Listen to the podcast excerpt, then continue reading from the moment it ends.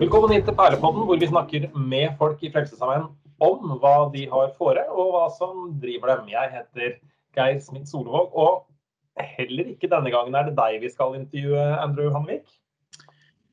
Nei, det er jo ikke det, da. Men du nevnte at det kanskje ble en åpning i midten av juli, så Det stemmer. Det blir bra. Det er håpet. Det er det vi, det er det vi lever etter. ja, få gjøre det. Og håp det er jo et slags eh, stikkord for dagens gjest også. Nærmere bestemt eh, Frelsesarmeens arbeid med å styrke håpet til folk i svært håpløse situasjoner. Velkommen til oss, doktorgradsstipendiat og fagkonsulent i Frelsesarmeens sosialtjeneste, Petra Kjellén-Burk. Tusen takk. Ja, hyggelig å ha deg med oss, Petra. Og sist uke så var du i Frelsesarmeens lederråd og presenterte Frelsesarmeens nye handlingsplan for anti-trafficking-arbeid fra 2021 til 2023. Og hvis vi skal ta det litt sånn trinnvis, hva er trafficking, og hvordan vet vi at det er et problem i Norge i dag? Eh, ja, Andrew, hvor lang tid har du? Fram til juli, da. ja, fram til juli. Ja, båndet går, båndet går. det, ja, det er eh, akkurat det det gjør. Det er, eh, eh, takk for spørsmålet og takk for invitasjonen å være her i dag. Og det er jo ikke alltid et veldig lett eh, spørsmål å svare på, Andrew. Det er, eh, eh, trafficking er en stor problematikk. En eh, veldig sammensatt problematikk. Den er internasjonal like mye som den er lokal. Den rammer spesifikke grupper, samtidig som den også rammer veldig bredt. Så trafficking er jo i, i sin på en måte rene form en utnyttelse av mennesker i enten arbeid eller til tjenester. Eh, I situasjoner som de ellers kanskje ville ha sagt nei til. Men der det da foreligger et element av tvang, eh, trusler eh, eller sårbar situasjon som har gjort at disse menneskene da eh, har havna i den situasjonen. Og hvordan, hvordan havner man i den situasjonen, og, og hva, hva er det man blir utnyttet til? Ja, altså det er veldig forskjellig på global basis. Men hvis vi begynner med det store og hele, så er det fattigdom og krig og konflikt som er kanskje de store driverne i forhold til at mennesker havner i situasjoner hvor de blir sårbare for å bli utnyttet av andre. Eh, men vi kan også se som en situasjon som vi har hatt i India nå med covid-19. Hvor eh, man eh, har hatt mange barn som har blitt foreldreløse pga eh, covid, at de har dødd i covid. Eh, og der vet vi at menneskehandlere har vært ute og rekruttert disse barna. Eh, ettersøkt dem, bedt dem å komme til spesielle steder, eh, fremstått som gode hjelpere. Eh, og så viser det seg at dette her er da menneskehandlere som på den måten, i en krise, så er menneskehandlerne der. Og det har vi sett, det, ser man eh, så fort det har vært en naturkatastrofe eller andre ting. Spesielt i eh, den kanskje mer fattige eller utviklingsdelen av verden, så, så er det en, svær sårbar situasjon som både barn og voksne kommer i. Eh, I vår egen del av verden så handler dette her om eh, f.eks. Eh, fattigdom. Eh, man har ikke samme muligheter til å velge fritt hva man ønsker å gjøre med livet sitt. Man føler seg tvunget til å ta det man kan få. Eh, man er desperat nok etter å fø familien sin. Og da er det veldig lett som menneskehandler å på en måte komme med et godt tilbud. Eh, som kanskje man vet er for godt for å være sant, men man har ikke mulighet til å si nei, for alternativene er ikke der. Eh, så årsakene og hvorfor folk havner i disse situasjonene er veldig forskjellige på global basis. Men her i Norge så kjenner vi det ofte som mennesker som har kommet til Norge i søken etter et nytt liv, etter håp, eh, etter en mulighet til å forsørge seg og sin familie. Eh, og pga. det, og pga. kanskje manglende språkkunnskaper, manglende fagkunnskaper eller sykdom eller andre ting, så blir de sårbare for utnyttelse. Ja, fordi Ofte så tenker man jo, eller kanskje jeg gjør det, kanskje det er bare jeg som har sett for mye TV eller film, eller et eller annet sånt, men menneskehandel, da blir man nærmest bortført og, holdt, i det, holdt i skjul. Men, det, men du sier at dette, dette, er noe nærmest man går inn i kanskje med åpne øyne, men fordi man ikke har noe valg, rett og slett? Ja. Eh, menneskehandel og, og teknikken eller funksjonaliteten og måten de gjør det på, har forandret seg. Det fins de som blir kidnappet, eh, og det fins de som blir skikkelig lurt. Men de er få. De er unntaket i den gruppen som vi, sier, som vi kaller offer for menneskehandel. Det er andre mekanismer som driver. Og ja, vi har mennesker som har kommet inn i dette her og nok tenkt at OK, dette her er ikke så lurt, men alternativene er så få at jeg må allikevel. Og det er en situasjon som vi ser i Europa, Øst-Europa. Der både spesielt kanskje unge kvinner som blir lokket inn i den internasjonale sexindustrien, har en fornemmelse av hva som kan komme til å skje, men tenker at jeg skal klare det. Ikke sant? Og tenker at jeg har hørt forferdelige historier, men det rammer ikke meg. Eh, så, så, her er det flere ting som gjør at man eh, kanskje ja, noen ganger aner hva som skal skje, men allikevel velger å gjøre det. Men Sexindustrien er jo da ett område, men dere identifiserer også ofre for menneskehandel innenfor andre bransjer, også her i Norge, gjør dere ikke? Absolutt. Eh, og menneskehandel forekommer i Det finnes mange forskjellige former av menneskehandel. og de, Den vanligste er jo da sexindustrien, som vi hører mest om. Eh, men det som vi her i Frelsesarmeen de siste årene har konsentrert oss litt mer på, det er eh, å identifisere ofre innenfor arbeidsutnyttelse og tvangstjenester, vil si tvungen kriminalitet. Eh, og da også konsentrert oss på å se de mennene som er utsatt. Tradisjonelt sett så har det vært mye kvinner som har blitt fanget opp. Det er, det er en overvekt av kvinner i den utnyttelse, utnyttelse innenfor seksuelle, eh, seksuelle tjenester. Eh, men vi finner også menn og barn eh, innenfor alle områder eh, hvor, som vi kaller menneskehandel. Så hva slags bransjer er det vi snakker om da konkret? Mhm. Ja, altså De bransjene hvor vi har hatt flest eh, mennesker innom våre tiltak i Frelsesarmeen som har vært utnyttet, det er eh, bilpleie, kan vi si. Bilvask, eh, mekaniske verksted eh, osv. Men eh, vi har også hatt det innenfra restaurantbransjen, servicenæring, eh, vask, eh, sånn eh, vaskefirmaer. Eh, vi har hatt eh, mennesker fra landbruk innom, så det er litt variert. Mm. Så hvordan, så hvordan jobber Frelsesarmeen? Hva er liksom tjenestekatalogen som Frelsesarmeen har i, i, møte med, med en veldig, veldig sårbar gruppe mennesker?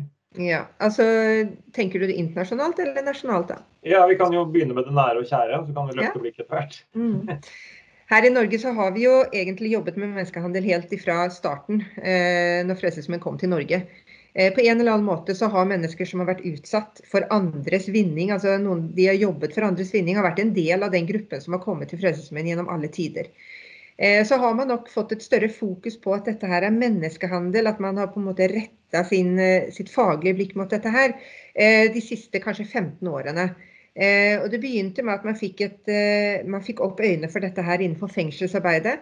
Hvor medarbeiderne der gjorde en kjempejobb for å begynne å, forstå dette her, bygge nettverk osv. Og når jeg kom inn i sosialtjenesten for eh, omtrent ti år siden, så fikk jeg etter hvert et ansvar for dette her, å kunne bygge på det gode arbeidet som allerede var gjort. Eh, så i dag så handler jo Frelsesarmeens arbeid veldig mye om at vi skal se. Eh, vi skal prøve å se og identifisere i alle våre tiltak hvor vi møter mennesker som kommer inn og som er sårbare. Eller som er i sårbare situasjoner. Lavterskeltiltak, men også våre institusjoner og Fretex f.eks vi skal på en måte agere, vi skal gjøre noe. Når vi mistenker, når vi har mistanke, så skal vi kunne vite hvor skal jeg gå, hvem skal jeg snakke med, hva er mulighetene. Eh, og vi skal også kunne reagere ved at vi da har en handling eh, å gjøre noe. Eh, og denne kunnskapen, denne undervisningen, er jo noe jeg jobber veldig mye med inn mot både ansatte og eksterne. Så undervisning er en stor del av Frelsesarmeens arbeid. Men vi har også eh, beskyttelse i form av Safe House, vi har veiledning og oppfølging av enkeltpersoner eh, på korpsene våre som har vært utsatt for dette her. Vi har hjelp og veiledning i fengselsarbeidet vårt, gjennom, og vi har tilbakeføring gjennom Safeway Home. Vi jobber mye med informasjon retta til ofre, eh, og vi prøver å spre kunnskap om dette generelt sett. Så porteføljen er ganske stor, også her i Norge. Hva er et safehouse? Litt om det. Ja, et safehouse det er et sikkert sted det er et konsept som man bruker innenfor eh, tematikken menneskehandel på internasjonalt plan.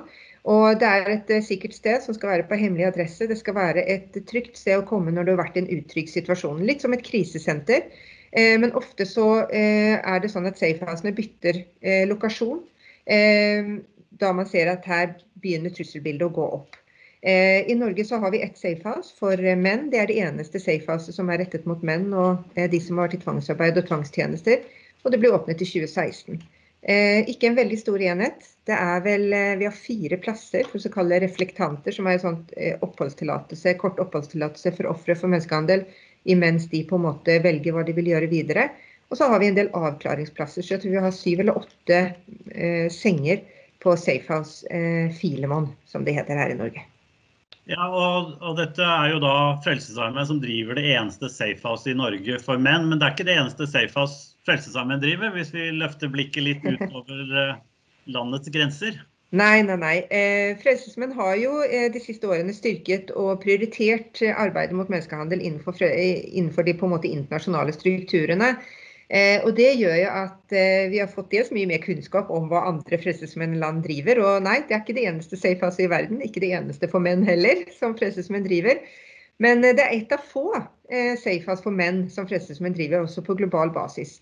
Det skal sies at det, det er fortsatt en, en problematikk som er på en måte under opparbeidelse, man lærer mer om det.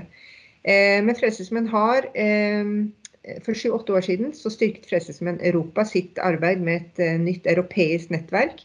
Der vi som jobber med det, fungerer som kontaktpersoner. Og så har man modellert et uh, internasjonalt, globalt nettverk basert på det uh, europeiske nettverket. Så i dag har vi en internasjonal koordinator som er leder for det internasjonale council, som jobber i alle frelsesmessoner i verden med denne problematikken. Og hvem er det vi møter der? Hvem er det som kommer til oss, og hvor kommer de fra? Altså, hvem er det som henviser til vårt safehouse?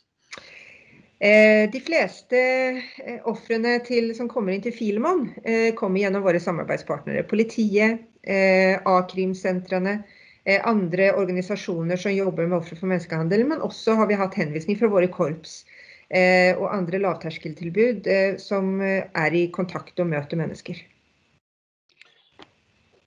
folk forbinder jo gjerne Frelsesarmeen med den kjente og ja, Det blir liksom både feil å si den kjente og kjære nøden, da. men misforstå meg rett. altså den, den, nøden man på en måte har blitt vant til å se. ikke sant? Barnefattigdom, mm. ensomhet, um, alkoholismen, rusavhengigheten.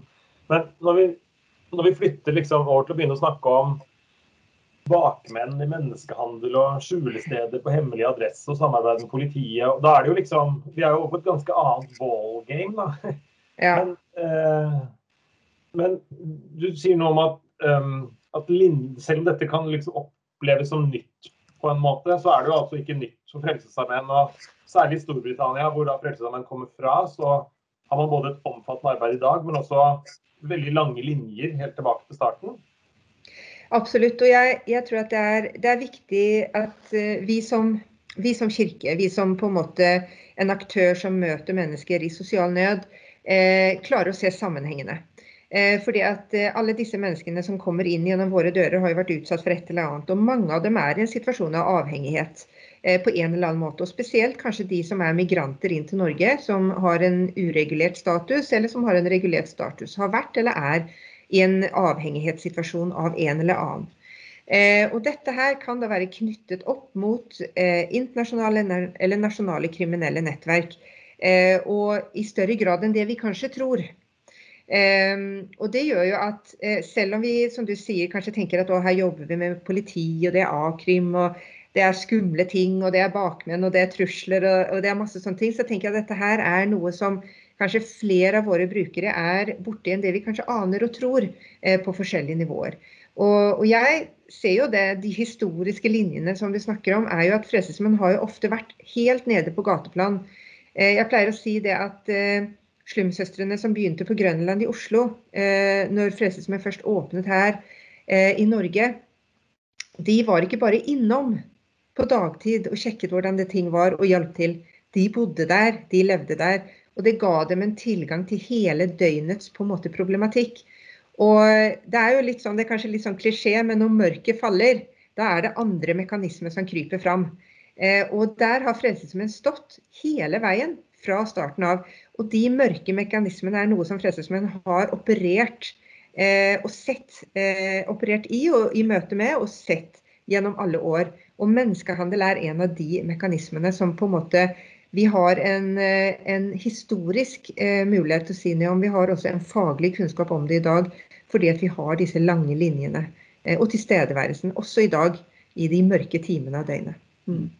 Og som, som, du har vært inne på, så kommer jo da Frelsesarmeens internasjonal karakteroppbygning virkelig til sin rett i dette.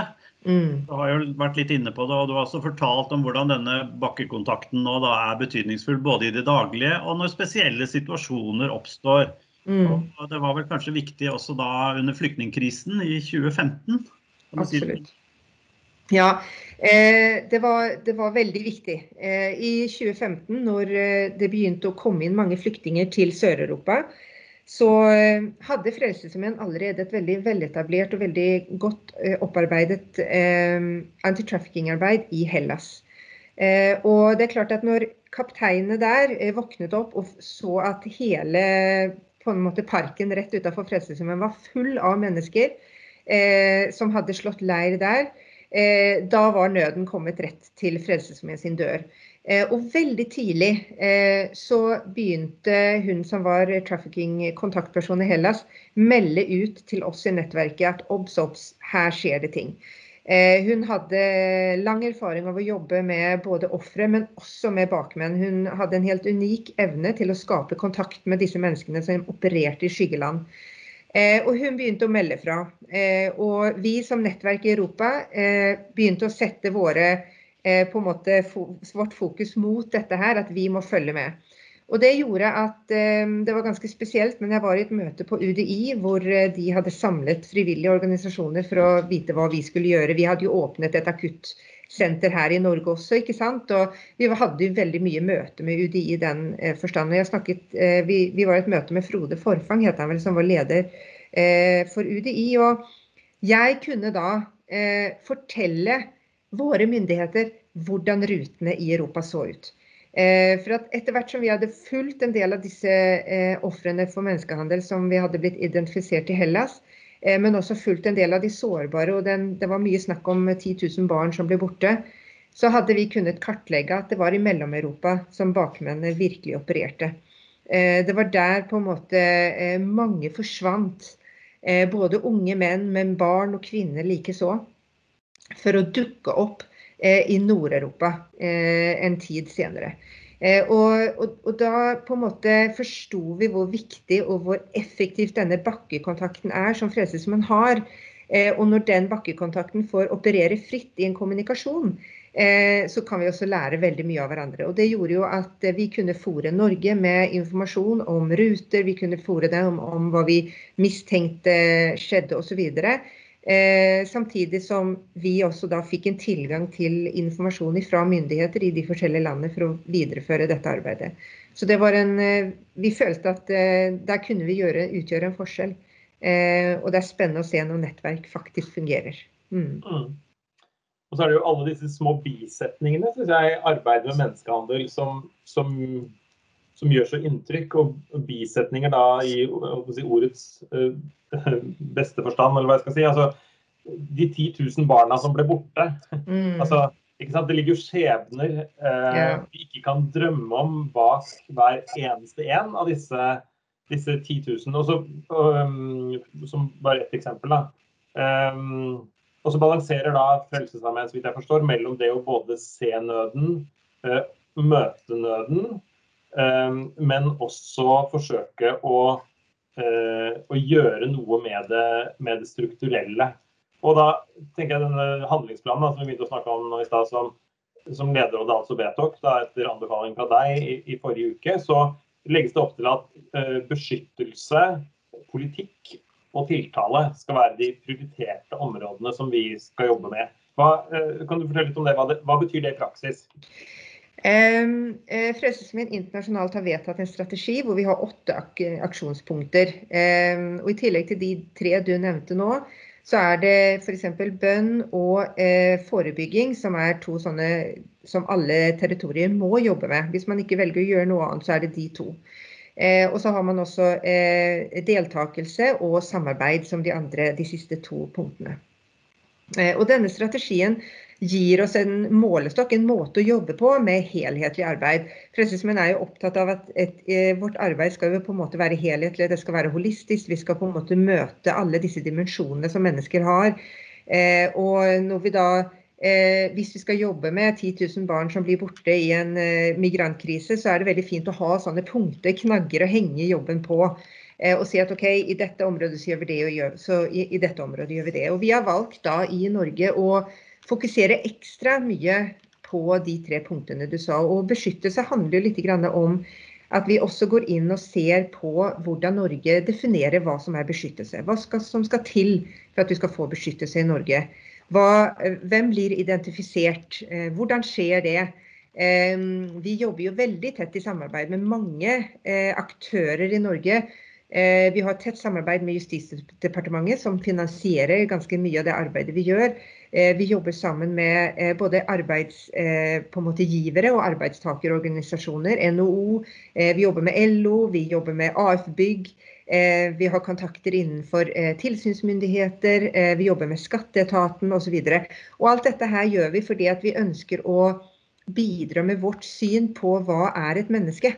Hvordan skal vi behandle et menneske? Hva er et menneske, menneske verdt? Og hvem skal tro på det mennesket? Er det strukturene som skal styre hva som skjer, eller er det menneskets historie som skal styre hva som skjer? Og Her tror jeg Frelsesmenn har en utrolig viktig stemme Eh, fordi at vi er den vi er. Vi er en kirke. Vi har på en måte et menneskesyn som tilsier at vi ser på mennesker som unikt skapt. Eh, det er en helt eh, grunnleggende egenverdi i den opplevelsen som mennesker har. Og det er viktig å få tilføre i strukturer. Når det gjelder beskyttelse, så er det jo dette her Hva skal til? Skal det være gjengjeld? Altså, må man gi noe tilbake for å få beskyttelse? eh, fra staten, hvordan skal beskyttelsen se ut osv. Det prøver vi ut en del prosjekter bl.a. på Filemann. Men vi jobber også sammen med, eh, eh, i styringsgruppen nå eh, for å på en måte definere hva, det, hva, hva mener Frelsesarmeen når vi sier at vi skal ha beskyttelse for denne gruppen.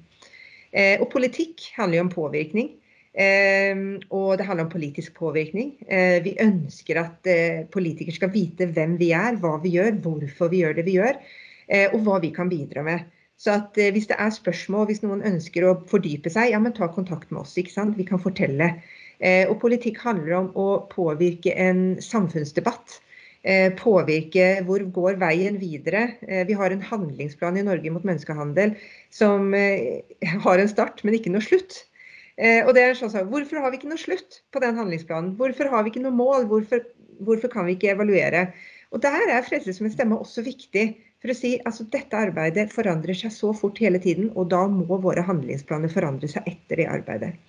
Mm. Eh, og Det siste er jo tiltale, som er et spesielt punkt eh, som Frelsesarmeen internasjonal har tatt med, som handler om prosecution. Altså eh, dette her med hva skjer med rettsforfølgelse.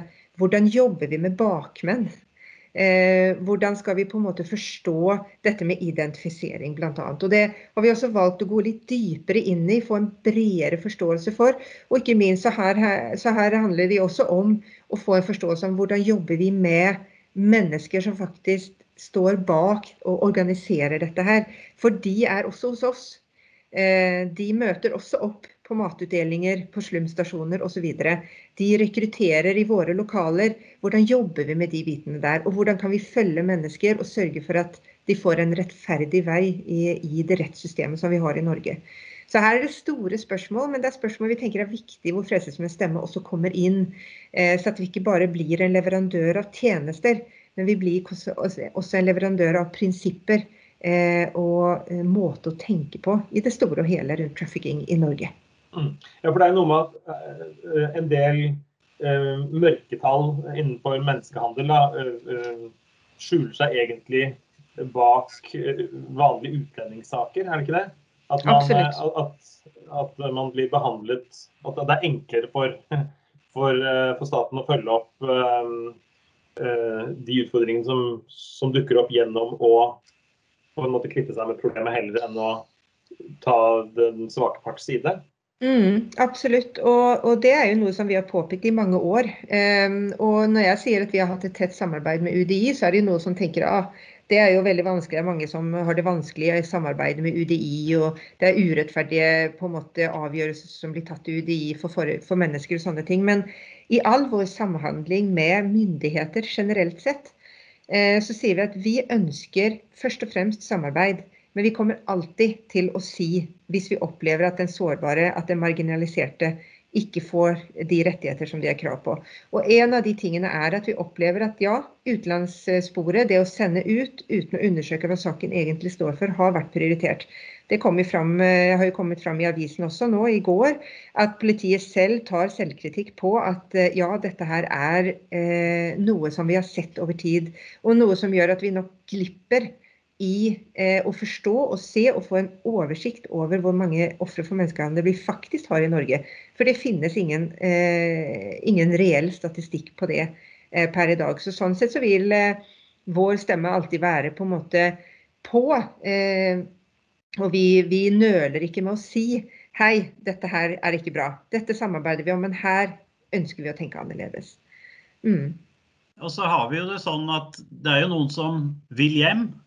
Eh, og du, du, nevnte jo Safe Way Home, som er et program hvor vi forebygger tilbakefall til kriminalitet blant, blant utenlandske innsatte gjennom at vi knytter kontakt med, med, positive nettverk i hjemlandet og legger til rette for en ny start hjemme. Så vi har jo vi tar jo tak i de store spørsmålene, men vi er også velsignet praktiske og mm. konkrete i vårt hjelpearbeid. Og, og så konseptet CAR, CAR, Mm. Er, er, beslektet med dette og har også betydning for ofre for, for, menneskehandel. Hva, hva, hva, går det ut på? Hvordan kan det hjelpe?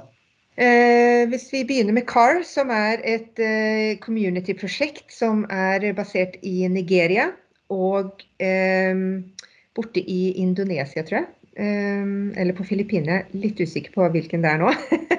Nå har jeg ikke papirene rett foran meg. Men det er et prosjekt som har vært finansiert av ehm, UK, ehm, regjeringen i UK. Men som nå er videreført i Frelsesarmeens egen strategi. og Det bygger på at mennesker som blir returnert eh, f.eks. til Nigeria, eh, får hjelp i tilbakeføringen. Eh, enten via et større safehouse med utdanning og, innenfor visse fagområder som de har der, men også via at det er Frelsesarmeen familier som får opplæring i å ta imot disse i sitt hjem og hjelpe til med en tilbakeføring til eh, samfunnet eh, i hjemlandet der de kommer ifra. Og akkurat Nigeria har jo vært et ganske stort, eh, eller er en stor eh, nasjon med veldig mange mennesker. Eh, og de har også en veldig høy grad av både innenlands, men også mennesker som reiser utenlands, som er offer for menneskehandel. Og vi har hatt veldig mange av dem i Norge. Har fortsatt en del av dem. Og fengselsarbeidet har benyttet seg av programmet CAR i et par tilbakeføringssaker hvor vi har brukt Safe Way Home, som da er eh, et program som Frelsesarmeen eh, benytter seg av vårt internasjonale nettverk for å kunne følge trygt helt hjem, eller dit personen selv ønsker å reise. Eh, hvor vi da her i Norge har kunnet tilrettelegge for en trygg reise hjem og hvor dette programmet har kunnet stå og ta imot og sørge for at personen eh, får en, et trygt mottak, trygt mottak, i hjemlandet. Og Dette her kan jo skje utenom dette CAR-programmet også rundt omkring i verden, hvor vi br bruker dette nettverket som Safeway Home og eh, medarbeiderne, spesielt jury i fengselsarbeidet vårt, har jobbet oppover mange år. Eh, hvor vi faktisk kan sørge for at vi ikke får så mange tilbakefall til eh, menneskehandel eh, som vi kanskje ellers ville ha fått. Mm. Så ikke, man har liksom tatt steget videre fra Safeway Home. Da. Man hjelper ikke bare hjem til hjemlandet, men man, men man, skaper eller man inviterer faktisk inn i et hjem. Det er det som er, eh, ja, det som er Ja. Og Det er jo det som er spennende med akkurat det CAR-programmet. Det er liksom hvordan vi kan benytte dette lokale nettverket vårt. Eh, og hvordan vi kan benytte oss av de menneskene som vi har eh, som gode ressurser inn i anti-trafficking-arbeid. Og Det viser bare at du trenger ikke å være ekspert for å jobbe og, og kunne delta i traffickingarbeidet. Du kan være den du er. Eh, du kan bruke de ressursene du har. Eh, og lære deg litt, så kan du være en, en, veldig god hjelp i dette arbeidet. Ja, for det er jo ikke liksom velstående Frelsesarmé-familier som åpner sine mansions i Nigeria. Det er ikke den virkeligheten jeg er i? Absolutt ikke. Det er det ikke. Dette her er soldater og tilhørige og offiserer som på en måte tar mennesker inn i en kortere eller lengre periode. Og få støtte og hjelp fra disse programmene for å gjøre det. Mm. mm. Og så går det en bro da, fra trafficking-arbeidet til den doktorgraden som du nå jobber med, og som jo egentlig handler om uh, korpsbasert sosialt arbeid, eller det diakonale sosiale arbeidet som Frelsesarmeens nærmiljøkirker da, gjør rundt omkring i lokalmiljøene. Men kan ikke du tegne denne streken mellom punktene for oss? Altså, hva, hva er denne brua? Ja, Nei, altså Gjennom disse ti årene som jeg har jobbet i eh, Frelsesmenns sosialtjeneste, i seksjon velferd og utvikling, så har jeg, fått et, jeg har hatt et fantastisk privilegium for å jobbe med forskjellige typer tema. Trafficking har jo vært et, et tema, et stort tema. Men jeg har også opp gjennom årene fått lov å være med å utvikle f.eks. plattform for korpsbasert sosialt arbeid, som er på en måte en veiledning, en guide eh, for hvordan og hvorfor, eller mer hvorfor enn hvordan vi ønsker eh, at arbeidet eh, med det sosiale på korpsene skal se ut. Eh, og fikk lov å reise rundt og være med på implementering av denne plattformen, og møtte utrolig mange korps. Eh, og i møte med mennesker som jobber i korps, både frivillige og ansatte, som på en måte står i vår virkelige førstelinjetjeneste på mange måter ute i hele Norge, så det trigger noe i meg. Og jeg relaterer jo ofte på en måte arbeidet inn mot trafficking, hvordan kan vi på en måte jobbe mer med det.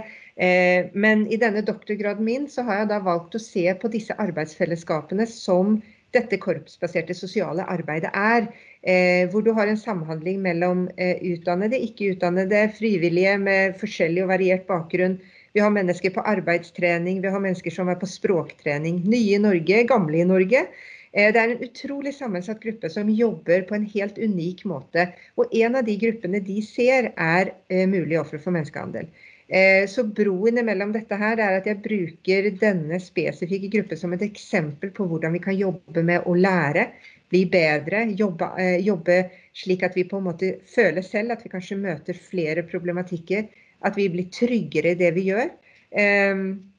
Og at eh, jeg kanskje forhåpentligvis med denne doktorgraden kan tilføre noen elementer eh, som kan peke på hva er det som er viktig i dette arbeidet. For at det skal være fullt av kvalitet, fullt av kjærlighet, fullt av barmhjertighet og nærhet. Alt det der som Frelsesmenn ønsker å stå for.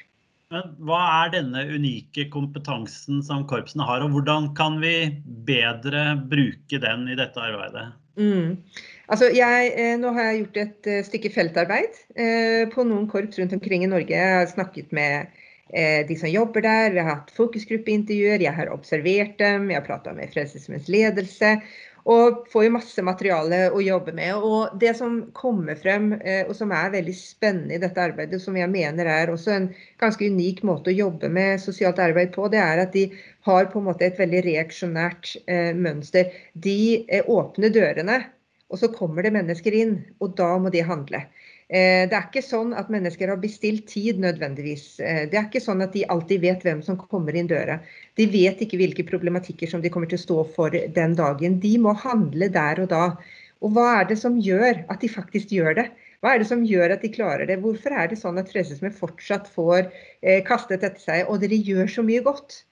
det er jo disse menneskene som står i denne frontlinjetjenesten som gjør noe veldig riktig. Og det er her jeg mener at de gjør noe unikt. De har en unik kompetanse som jeg nå prøver å beskrive.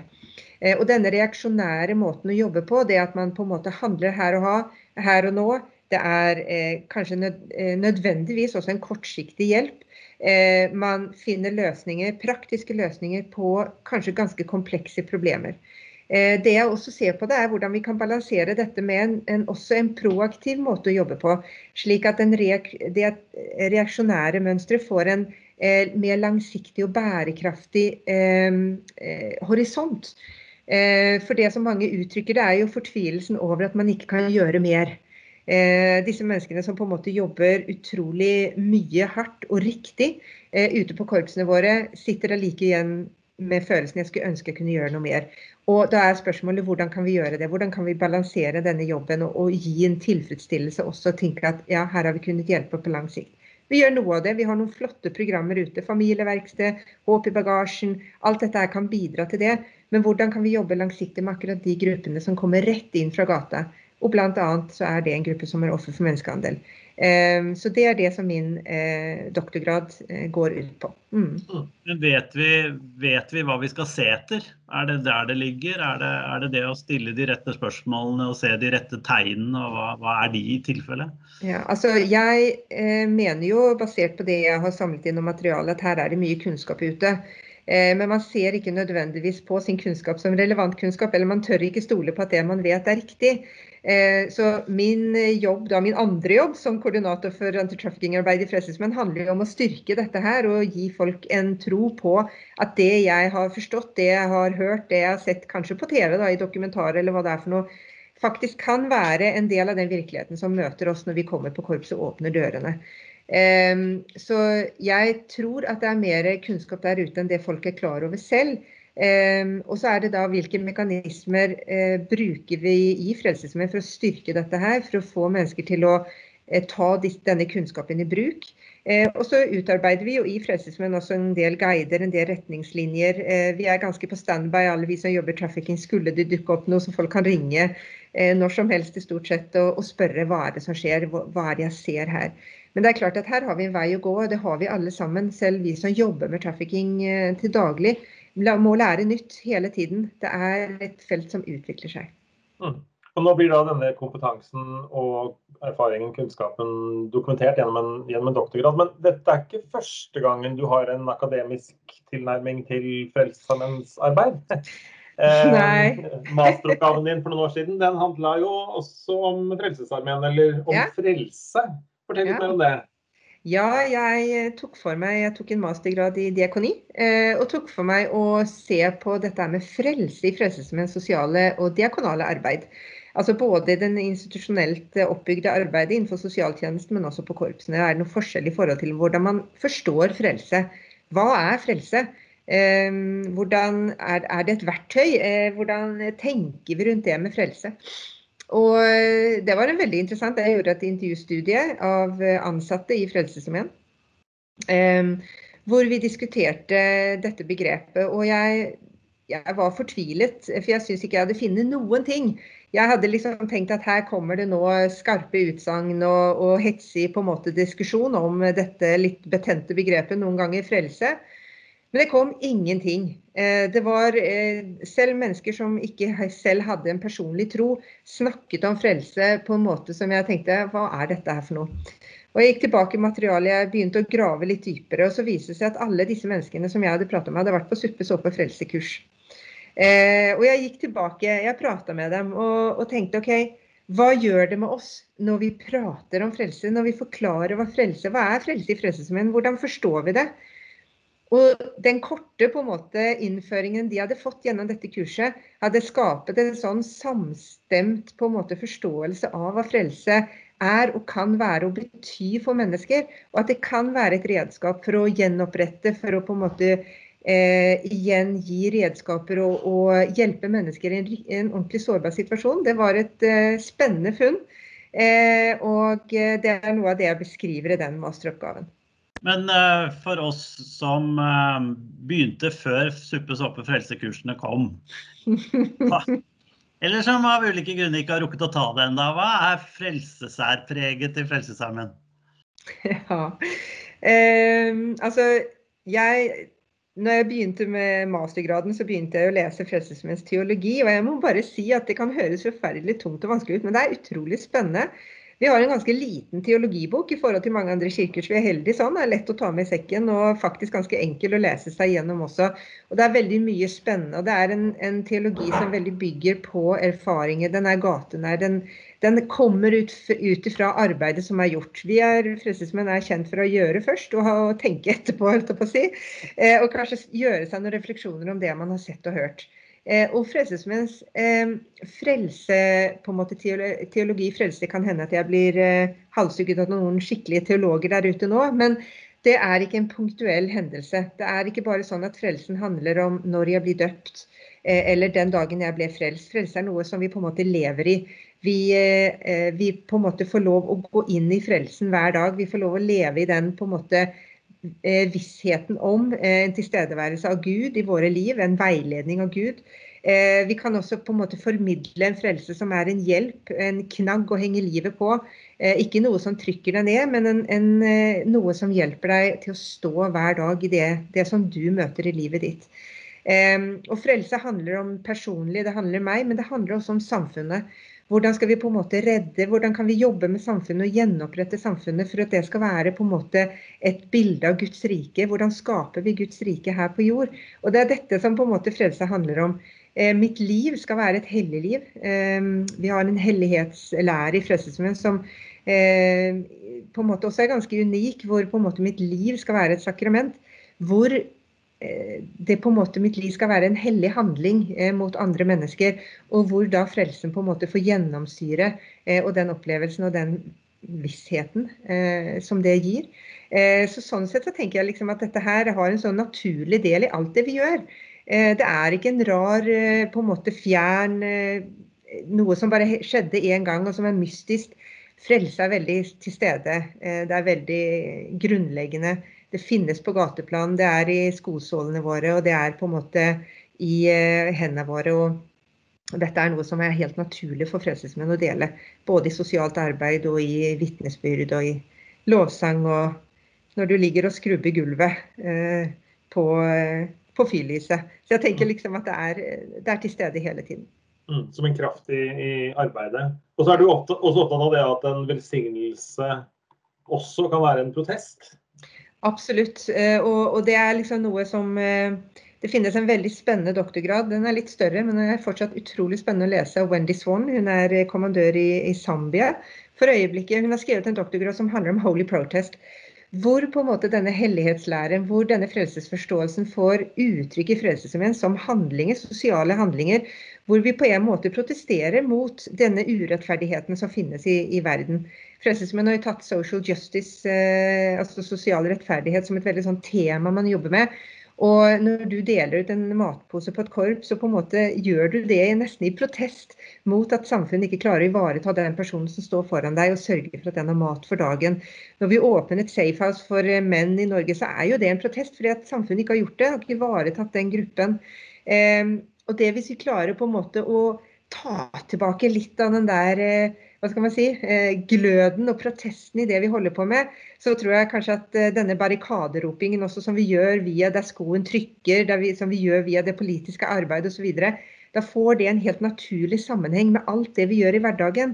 Eh, og så er det så helt rotet og helt grunnfestet i vår teologiske forståelse om hvem Gud er, og hva Gud gjør i våre liv og i menneskers liv ta tilbake gløden, rett og slett. En oppfordring fra Petra der. Tusen takk for at du tok deg tid innimellom doktorgrad og jobb og hva livet for øvrig bringer, for å være her sammen med oss.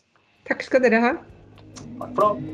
Han skal åpne perleporten